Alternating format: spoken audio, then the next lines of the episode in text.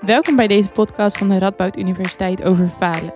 Ik ben Lianne en ga elke aflevering met iemand in gesprek over dingen die minder vlekkeloos lopen in het leven. Want als we eerlijk zijn, gaan dingen niet altijd even soepel. Vandaag spreek ik met Johan Karremans, professor in de psychologie aan onze universiteit.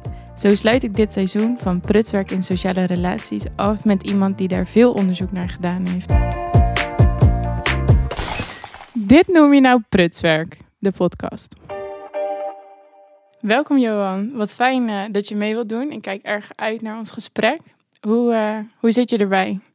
Ik zit erbij uh, bij op een dag uh, dat er uh, heel veel bij elkaar komt. een gevoel, toch wel een gevoel van druk op het moment. Hmm. Maar ik neem met alle plezier alle tijd voor deze podcast. Want ik kijk er ook naar uit. Oké, okay, tof. En kan je kort iets over jezelf vertellen?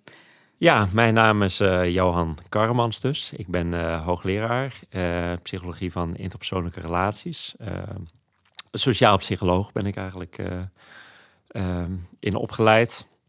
Um, hoofd van de afdeling sociale en cultuurpsychologie, waar, waar we nu zitten. En mijn onderzoek uh, richt zich met name op het begrijpen van interpersoonlijke relaties. de link tussen interpersoonlijke relaties en gezondheid bijvoorbeeld en welbevinden. En ehm, ik geef ook een cursus interpersoonlijke relaties interpersonal relationships natuurlijk. Dat, is een, dat is een populaire cursus in die zin dat er, dat er, dat er altijd grote studentenaantallen zijn. En het is natuurlijk ook een onderwerp wat ons allemaal aangaat. Dus vandaar de interesse in het, in het vak, denk ik. Ja, absoluut. Zeker. Het klinkt ook echt alsof we op de goede plek zitten voor de afsluiting van dit seizoen. Voordat we aftrappen, want ik heb gelijk al honderd vragen in mijn hoofd. Ja. Maar voordat we aftrappen, heb je toevallig nog een grappig verhaal waar je op zou kunnen komen, zeg maar. Uh, en en het, de, de, een verhaal over falen, hè? Ja, Was ja, het, uh, ja ik, ik, dacht, ik, ik, ik, probeerde te zoeken in uh, het domein waar we het over hebben, sociale relaties. Maar ik kwam toch bij, bij iets wat me recent gebeurde en wat mij eigenlijk aan de lopende band gebeurt, dit soort voorvallen. Maar dat ik afspraak met de kapper had gemaakt, telefonisch. Nou, dan ga ik naar de kapper toe en dan kom ik daar en dan zeg ik, ja, nou, ik heb om uh, half vier een afspraak. Nou, ik zie niks in het. ja, ik zeg, ja, ik heb van, vanochtend nog gebeld. Heel spraakverwarring. Nou, het blijkt uiteindelijk dat ik bij de verkeerde kapper zit. dat, dat, dat overkomt mij heel vaak. laatst ook nog een, dat ik bij een hotel aankwam, ergens in augustus om, uh, nou ja, voor een overnachting. Dat ze mijn naam ook niet terug konden vinden. Uh, maar na, na lang zoeken zagen ze hem op 22 september staan. Uh, weet je wat? Oh.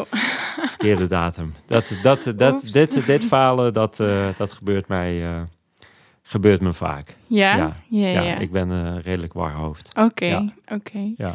Nou ja, volgens mij zijn het wel dingen die dan te overzien zijn? Of, de, dit is eh, wel te overzien. Ja, nou, dat, dat, gebeurt ook nog van alles uh, meer hoor, qua, qua falen. Maar het is ook maar wat, je, de, wat voor definitie je aan falen geeft natuurlijk. Hè? Ja, dat is exact waar. Dat klopt. Ja. Daar kom ik ook steeds meer achter. Want hoe zou je dat zelf omschrijven?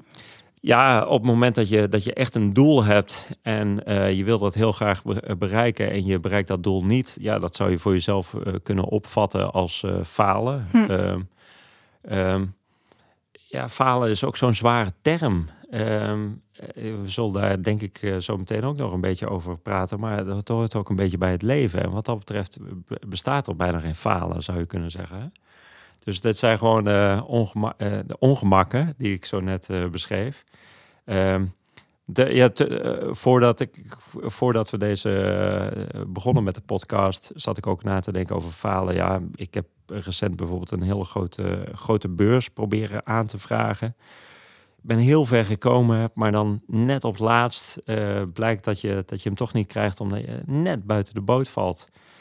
Ja, is dat falen? Ja, op het moment dat je het bericht krijgt, eerlijk gezegd, voelt het wel zo. Ja. Dat je, dat je gefaald hebt. Maar ik kan het dan ook vrij snel weer relativeren en denken van ja, ja, dit, uh, you win some, you lose some. ja, exact. Het is ook niet allemaal in je eigen handen natuurlijk. Het is uh, niet allemaal, nee, nee. Helaas, soms. maar ehm, als ik dan de eerste vraag even stel. Hoe, hoe en wanneer is je interesse in interpersoonlijke relaties ontstaan? Ja, um, eigenlijk denk ik altijd wel. Ja. Ik denk dat ik altijd wel iemand ben geweest die, uh, die heel erg bezig is geweest met, uh, met uh, sociale relaties, sociale verhoudingen. Hoe, hoe loopt het allemaal? Zijn we allemaal tot op zekere hoogte natuurlijk heel erg mee bezig. Dus nou ja, bij mij is die interesse niet anders. alleen ik heb er mijn beroep van gemaakt. Um, het eerlijke antwoord is ook dat het soms gewoon een beetje toeval is. Met in wat voor een, uh, wat voor een veld je terechtkomt. Ik heb uh, uh, toen ik afgestudeerd was, heb ik op verschillende promotieplekken gesolliciteerd. Um, en één daarvan ging echt over ja, het functioneren van romantische relaties. Ja, en daar, en, en daar werd ik aangenomen. En dan vervolgens ja, ga je er meer in verdiepen. En hoe meer je uh, je verdiept in een bepaald onderwerp, hoe, uh, hoe interessanter het, uh, meer interessant het wordt natuurlijk. Ja, dus, dat, dus zo is het ook een beetje. Ja. ja, precies. Dus er was een soort wel eerste interesse, maar die ehm, ontwikkelde zich gewoon die, verder. Die is, die is echt aangewakkerd gedurende mijn hele carrière eigenlijk. En dat wordt die nog steeds. Ja, ja, ja, ja. exact. Ik vind het wel echt het lijkt me ook een heel gaaf onderwerp om veel uh, over na te denken. En in de podcast heb ik dat ook al best wel kunnen doen. Dus dat is uh, heel tof. Maar ik las ook dat een deel van je onderzoeksfocus dan gaat over de succes- en faalfactoren ja, in, in de persoonlijke relaties. Zou je daar wat meer over kunnen vertellen? Ja, nou en um, dat is eigenlijk de, de vraag die mijn, mijn onderzoek ja, waar mijn onderzoek door geleid wordt, is hoe kan het toch zo dat sommige mensen echt prima in staat zijn om langdurige relaties aan te gaan met mensen en ook te houden en ook tevreden te houden. en andere mensen lijkt het echt tot, tot mislukken gedoemd. Um, nou, ik heb daar geen uh, eenduidig antwoord op. Het is, het is natuurlijk een hele reeks van factoren die daar uh, mee samenhangt. Um, ja, waar ik onderzoek naar gedaan heb, me specifiek op gefocust heb, is de mate van zelfregulatie die mensen hebben. En dat kun je op allerlei manieren kun je dat definiëren en meten. Maar het komt er kort gezegd op neer van, nou, een van de aanwijzingen zijn toch wel van mensen die die in staat zijn hun impulsen goed te onderdrukken, hun emoties goed te reguleren. Dus uh, niet, niet snel echt er helemaal in gaan zitten, maar op een of andere manier toch een beetje afstand van hun emoties kunnen nemen of uh, in goede banen kunnen leiden. Ja, dat zijn de mensen die over het algemeen ook de meer gelukkige relaties hebben. Um, maar dat is, dat is echt één aspect ervan, uh, zou ik zeggen. Uiteindelijk gaat een relatie in een relatie, uh, het bestaat uit twee of meerdere mensen. En het is ook echt die dynamiek die plaatsvindt in een relatie, wat, uh, wat een relatie succesvol maakt. Of, of juist nou, niet succesvol, om, om zo maar te zeggen. Ja, exact. En um, ik hoorde je inderdaad net al noemen dat je dan dat vooral misschien eerst hebt onderzocht binnen romantische relaties. Als in dat was de PhD-plek waar je terecht was gekomen? Ja, nou, het was wel iets breder dan dat. Het was okay. uh, mijn, mijn PhD-plek ging echt over uh, hoe, hoe mensen omgaan met uh, conflict. En eigenlijk op het moment dat, ze, dat mensen zich gekwetst voelen, hoe ga je daarmee om? Binnen, binnen hechte relaties eigenlijk, inclusief romantische relaties. Ja. Um, blijven mensen erin hangen? Of uh, kunnen mensen wat meer vergevingsgezind uh, reageren? Ja, precies. Want ik was vooral benieuwd, zeg maar, of je dan ook in verschillende soorten interpersoonlijke relaties hetzelfde soort onderzoek doet met uitkomsten, zeg maar. Ja, nou ja, eigenlijk, eigenlijk is het wel vaak over verschillende types uh, relaties waar, waar mijn onderzoek in die begintijd over ging. Dus ja. het kunnen ouder-kindrelaties zijn, vriendschapsrelaties, romantische relaties. Um, maar en dan uh, kijken, ja, wat, wat zorgt er nou voor dat mensen um, ja, wat, wat sneller over dingen heen kunnen stappen en niet ergens in blijven hangen, wat uiteindelijk heel erg de relatie in de weg zit, het voortgang van de relatie in de weg zit. Ja. Terwijl mensen in een spagaat komen te zitten van nou, aan de ene kant wil je heel graag een relatie uh, voortzetten met, met iemand, maar je voelt je gekwetst door iets, iets wat er in het verleden is gebeurd. Ja. En, en dat zit die relatie heel erg in de weg. Ja, ja, exact.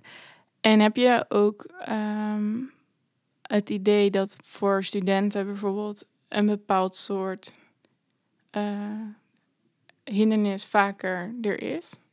Ja, de, de, de, uh, ja, kom ik toch weer terug op mensen bijvoorbeeld die, uh, die heel erg piekeren en het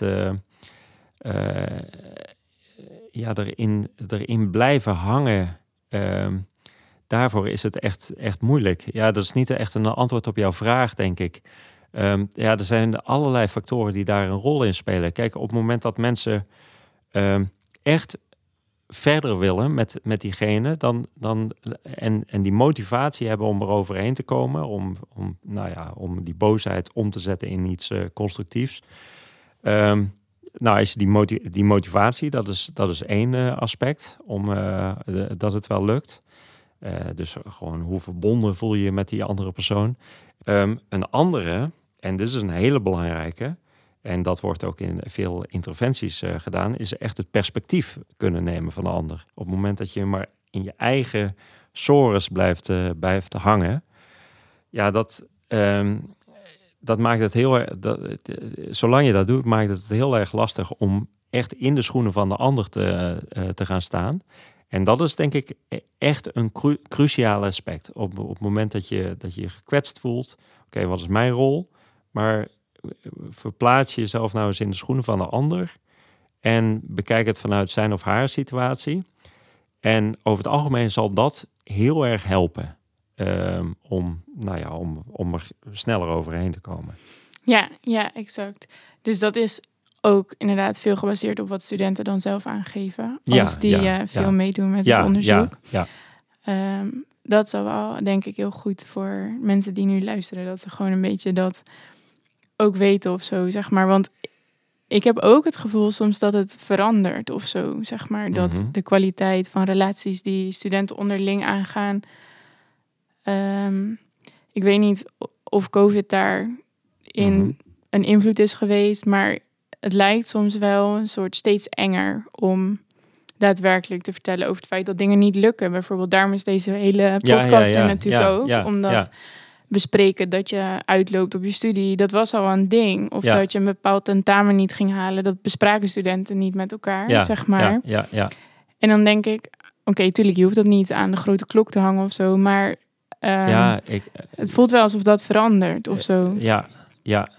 Ik zou, ik zou het eh, absoluut aan de grote klok hangen. Oh, Hè? Nee, maar dat is, ik denk eh, dat dat, ik kan me dat helemaal voorstellen in de, wat je zegt, in de COVID-tijd zijn, ehm, ja, ik heb daar geen onderzoek naar gedaan, maar ik kan me zo eh, helemaal voorstellen dat de, dat de, de, de band, je, je sociale netwerk toch iets, ehm, iets kleiner is geworden, dat de, de band met anderen niet zo intens is. Eh, zoals die voor COVID was. eh, op het moment dat je gewoon de hele dag samen met elkaar rondhing en allerlei dingen met elkaar deed.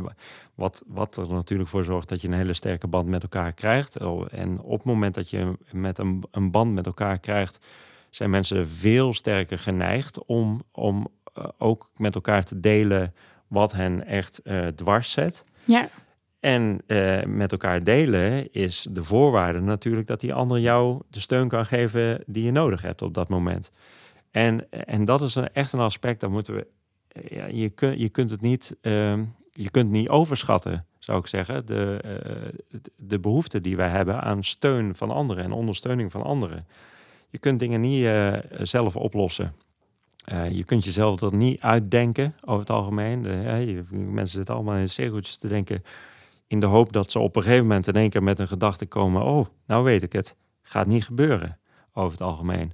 Dus eh, eh, dingen waar je mee zit, eh, al de voorbeelden die, die jij net eh, noemde, probeer het echt met elkaar te bespreken. We zijn, eh, ja, het is een- zo'n cliché als ik weet niet wat, maar eh, soms vergeten wij het wel eens. Wij zijn echt sociale dieren als, eh, als mens. ja, En, en studenten ook.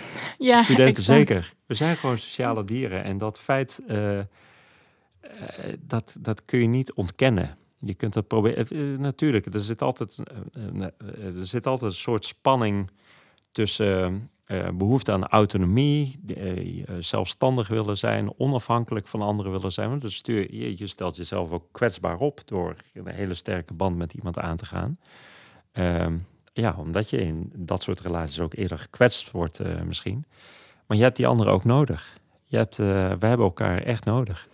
Ja, 100% mee eens. En toch hoor ik zo vaak dat mensen echt een enorme drempel over moesten om te gaan vertellen. En iedereen die dan op de podcast is geweest, die heeft aan de grote klok gehangen, maar die heeft ook ervaren dat die drempel overgaan het daadwerkelijk waard is, zeg maar. Maar ja, precies. Wat zeg je tegen iemand die nog voor die drempel staat, zeg maar? Ja. Want het is ook heel eng, of zo. Ja, maar soms denk ik, het, het, lijkt enger of zo. Ja, nou, maar de, uh, dat is ook echt precies wat onderzoek laat zien. Even trouwens terug op die grote klok. Uh, grote klok, dat, dat ik niet per se mee dat je, het, dat je het op alle social media kanalen zet.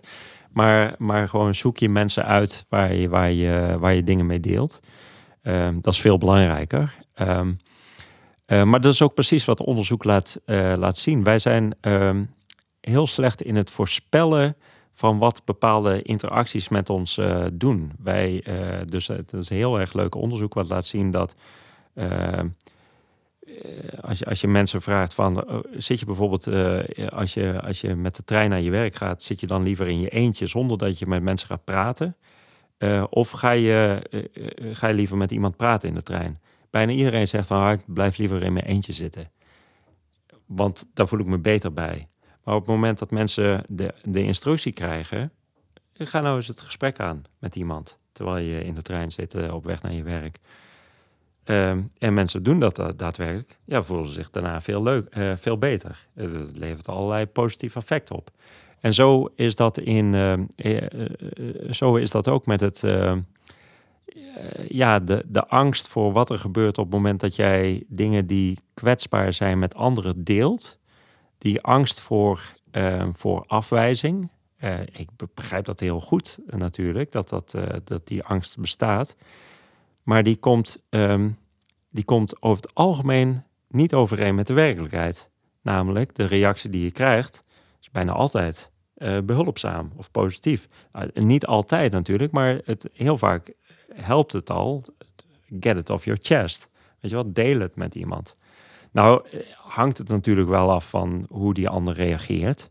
Ik bedoel, dat is ook een, uh, dat is ook een belangrijke. Dat, daar doen we op dit moment uh, onderzoek naar.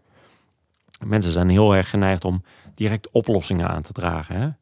Die, die neiging kennen we allemaal wel. En, maar daar zitten mensen vaak helemaal niet op te, te wachten.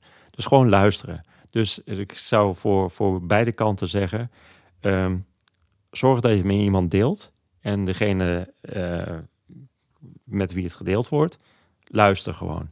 En, en dat is heel vaak al. Uh, nou, dan ben je in ieder geval een hele stap verder. Ja, dat is echt waar. Dat kan ik uit eigen ervaring ook wel beamen, inderdaad.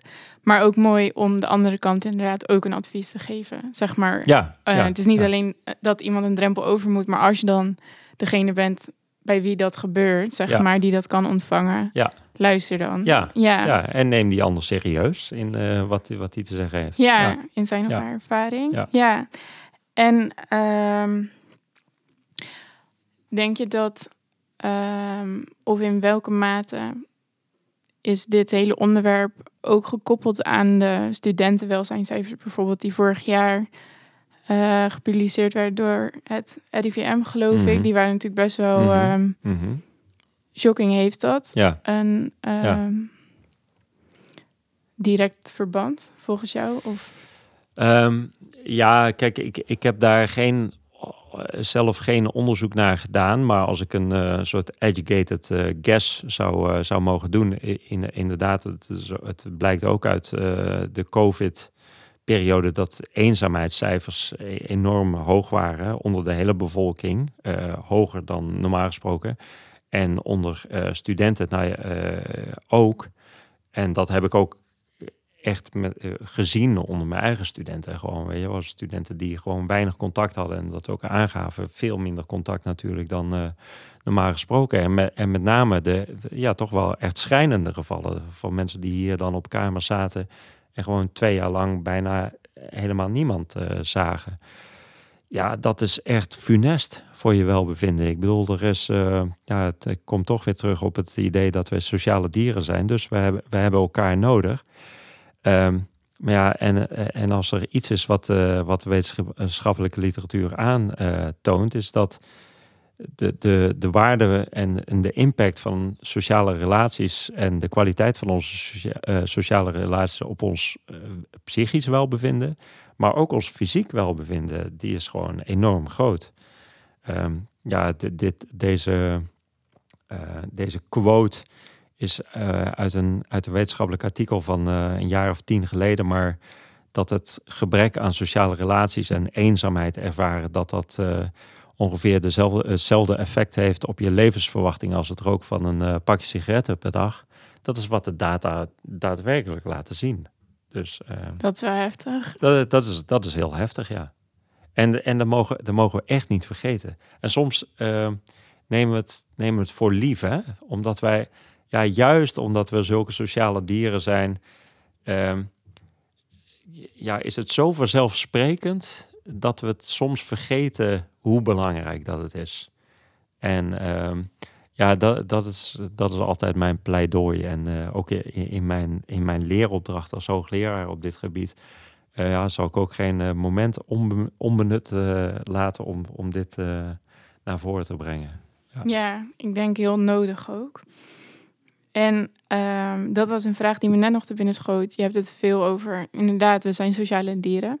En daar heb ik ook gesproken met een geïnterviewde die best wel last had van bindingsangst, zeg mhm, maar. Mm -hmm, En dan um, ergens in mijn hoofd vind ik dat dus een tegenstrijdigheid. Mhm, maar hoe, hoe zie je dat? Zeg maar, wat is bindingsangst? En hoe werkt dat als we ook sociale dieren zijn? Zeg ja. Maar? Um, dat, dat, dat kan ook um, uh, problematisch zijn. Of nou ja, ik, ik, ik, wil het niet eigenlijk uh, niet zo noemen. Het is ook een uh, strategie, eigenlijk zou je kunnen zeggen, om om te gaan met, met vertrouwen in anderen of een gebrek aan vertrouwen in anderen. Um, kijk, het, het idee hierbij is dat uh, dergelijke dingen als bindingsangst bijvoorbeeld, dat komt voort uit iets. Weet je wat? Het, deels kan dat ook genetisch zijn, hoe mensen gewoon in elkaar zitten. Maar deels is het ook op, uh, op basis van ervaring in de vroege jeugd bijvoorbeeld. Uh, en in het idee van, van uh, hechtingstheorie is bijvoorbeeld dat in je, in je eerste vormende jaren, op het moment dat, jou, uh, dat jouw ouders of, of de moeder als, als uh, eerste um, verzorger, op het moment dat die, dat die niet adequaat reageert op het moment dat jij hulp nodig hebt, als een baby geen hulp nodig heeft, maar niet de hulp en support krijgt die het nodig heeft, ja, dan gaan, gaan mensen een soort van idee uh, over, over anderen in het algemeen vormen. En dan moet je het uiteindelijk toch zelf oplossen. En dat, dat zet zich eigenlijk voort in, gedurende ons hele leven. Dus uh, um, op het moment dat je, dat je ouders hebt gehad, uh, in een heel veilig nest, nest bent opge, opgegroeid, ehm, waar je wel de steun kreeg die je op momenten dat het, dat het echt nodig was, en ook cons consistent zo gereageerd werd. Uh, dat zijn ook mensen die het makkelijker vinden om bijvoorbeeld vertrouwen te hebben in een partner in een romantische relatie. Om te zeggen van nou ja, ik, ik, ik heb het even moeilijk en ik heb jou nodig. Um, dus, dus die link tussen onze jeugdervaringen, herinneringen en hoe wij nu functioneren in dat soort relaties, die, die is er. Tegelijkertijd, ik kijk, het is, het is ook geen, het hoeft ook geen ramp te zijn. Het is alleen um, waar, het, waar het vaak clasht of waar het een probleem wordt, is op het moment dat mensen een relatie met elkaar krijgen. En als je er eentje hebt die nogal uh, uh, vermijdend is, noemen we het dan, of, of die, uh, die bindingsangst heeft, een meer, meer populaire term, denk ik. um, en je hebt, een, je, hebt een, je hebt een partner die juist heel veel bevestiging nodig he, heeft.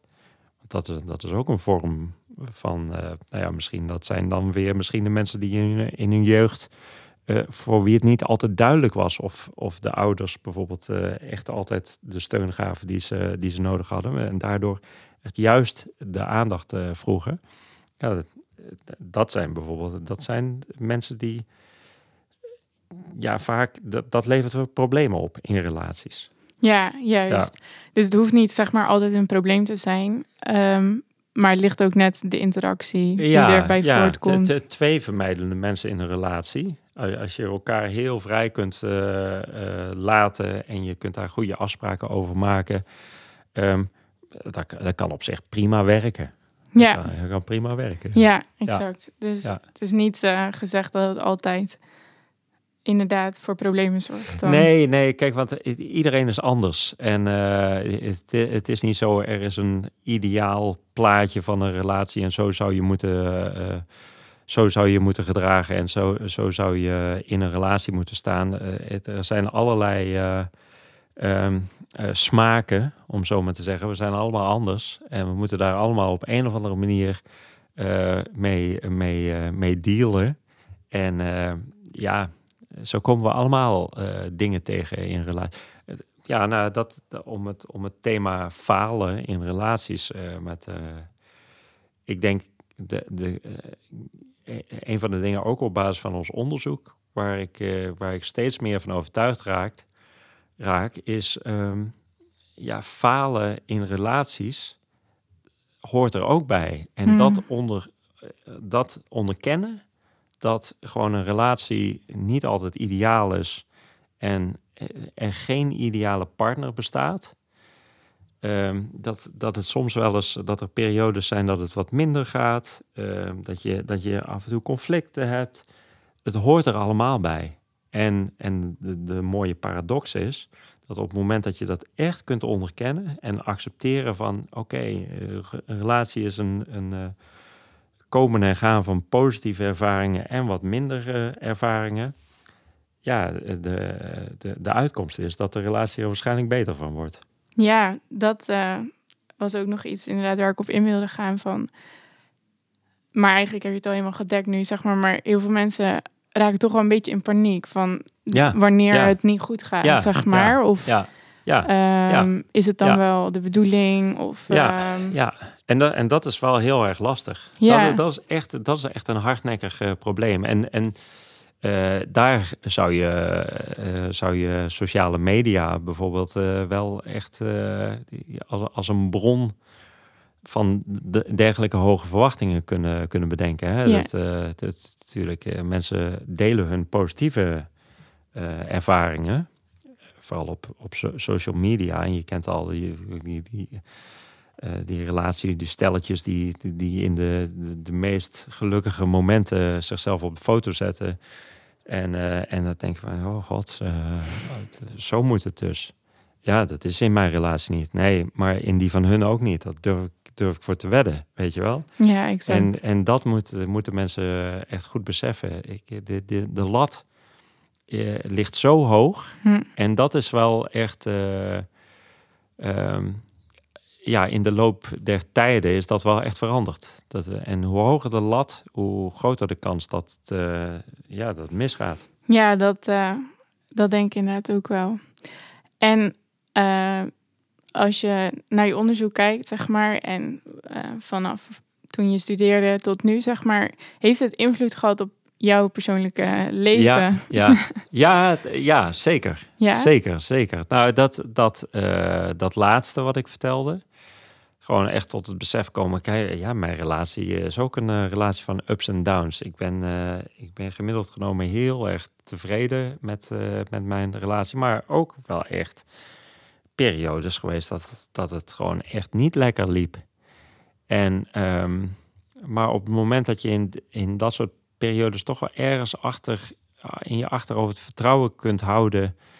En dat, dat is, was ook niet altijd makkelijk. Maar uh, op basis van, van mijn eigen onderzoek ook. Dat je ziet, ja, de mensen die dat wel kunnen. En die echt kunnen accepteren van, ja, uh, het is gewoon een golfbeweging. Een relatie, net zoals, net zoals het hele leven eigenlijk. Hè? Um, niemand is constant gelukkig. Zou, zou, misschien mooi zijn, maar dat, dat is niet zo. Nou ja, en dat kunnen onderkennen, dat, dat helpt mij in mijn persoonlijk leven absoluut. Ja. ja. ja. wel mooi. Ik denk ook heel helpend eigenlijk. dat is heel helpend. Ja, ja, zeker, zeker. Ja, en ehm, gezien de tijd, wat voor ehm, advies zou je student, maar ook medewerkers die naar de podcast luisteren, ja. wat zou je hun willen meegeven als ze bijvoorbeeld dat gevoel van falen hebben ja. in hun relaties met collega's of medestudenten of juist inderdaad in. Uh, meer dicht bij je relaties nog? Ja, ik heb, uh, ik heb niet genoeg naar jullie uh, podcast geluisterd om.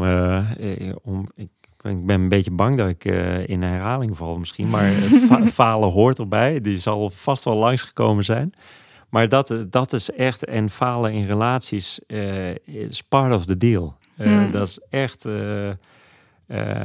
dat, dat is echt de take-home message, zou ik zeggen.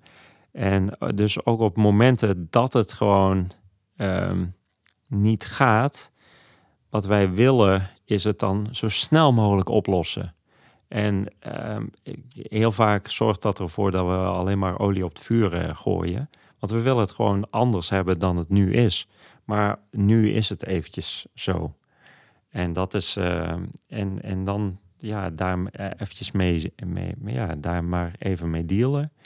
En wachten op betere tijden, zou je bijna kunnen zeggen. Hè?